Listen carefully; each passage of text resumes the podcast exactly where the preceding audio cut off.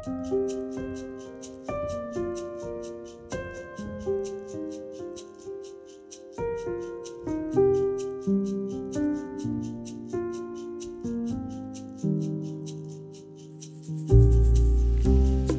lytter.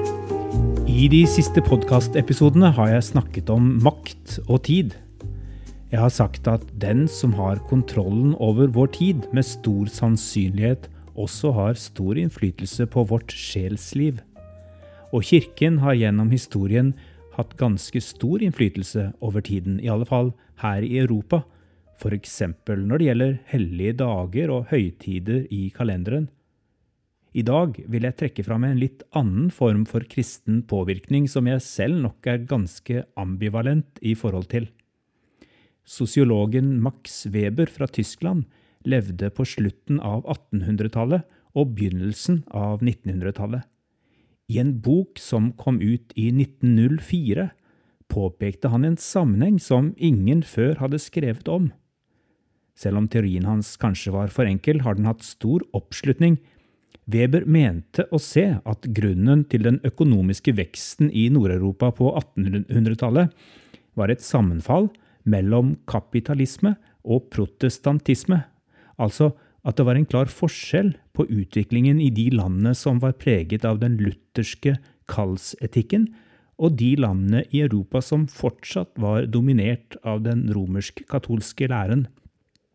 Enkelt sagt så mente Weber at folk i Nord-Europa brukte tiden og arbeidsdagene mer effektivt enn på sørligere breddegrader, og han mente det lå i den protestantiske etikken som løftet opp vanlige folks arbeid som et kall, like hellig og viktig for Gud som det å være prest og tjene full tid i kirken.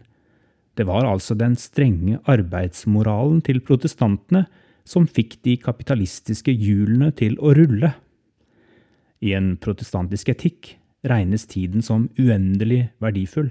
Ifølge Weber, for hver bortkastet time er tatt fra å arbeide til Guds ære. Ja, det å sløse bort tiden ble av mange protestantiske forkynnere regnet som en av de mest alvorlige synder. Nå tipper jeg at du som hører på, kan ha ulike tanker om dette.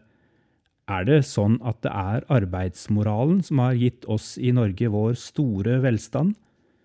Det er vel heller det svarte gullet i Nordsjøen som vi nesten har fått rett opp i hendene de siste 40 årene, er det ikke? Og, og kanskje hadde vi i Nord-Europa høyere arbeidsmoral enn folk andre steder i verden for noen generasjoner siden, men der scorer vi ikke lenger høyest på statistikkene, gjør vi? Noen vil si at det nettopp har å gjøre med materialismen og den voldsomme økonomiske velstandsutviklingen. Men den moderne tidsforståelsen, som kom med industrialiseringen, den har fortsatt et solid tak på oss. Tiden oppleves som en knapp ressurs som vi helst har altfor lite av. Tiden på arbeid må helst brukes mest mulig effektivt, for arbeidsgiveren vår betaler oss for hvert minutt som går, og vår innsats måles i stor grad etter hvor mange timer vi har brukt. Slik går det an å si at tid er penger, et uttrykk som dukket opp omtrent samtidig med industrialiseringen.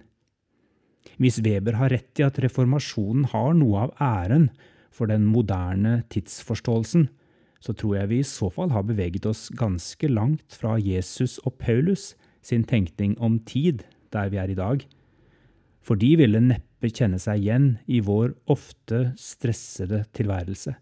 Vi skal alltid rekke så mye.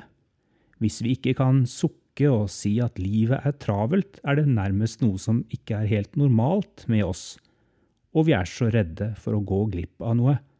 Fear of missing out, FOMO, som det heter nå, med et engelsk uttrykk. Den tiden vi ikke bruker til å jobbe, bruker vi i liten grad til virkelig hvile og avkobling, og mange erfarer at de sliter med å leve opp til de høye prestasjonskravene i samfunnet.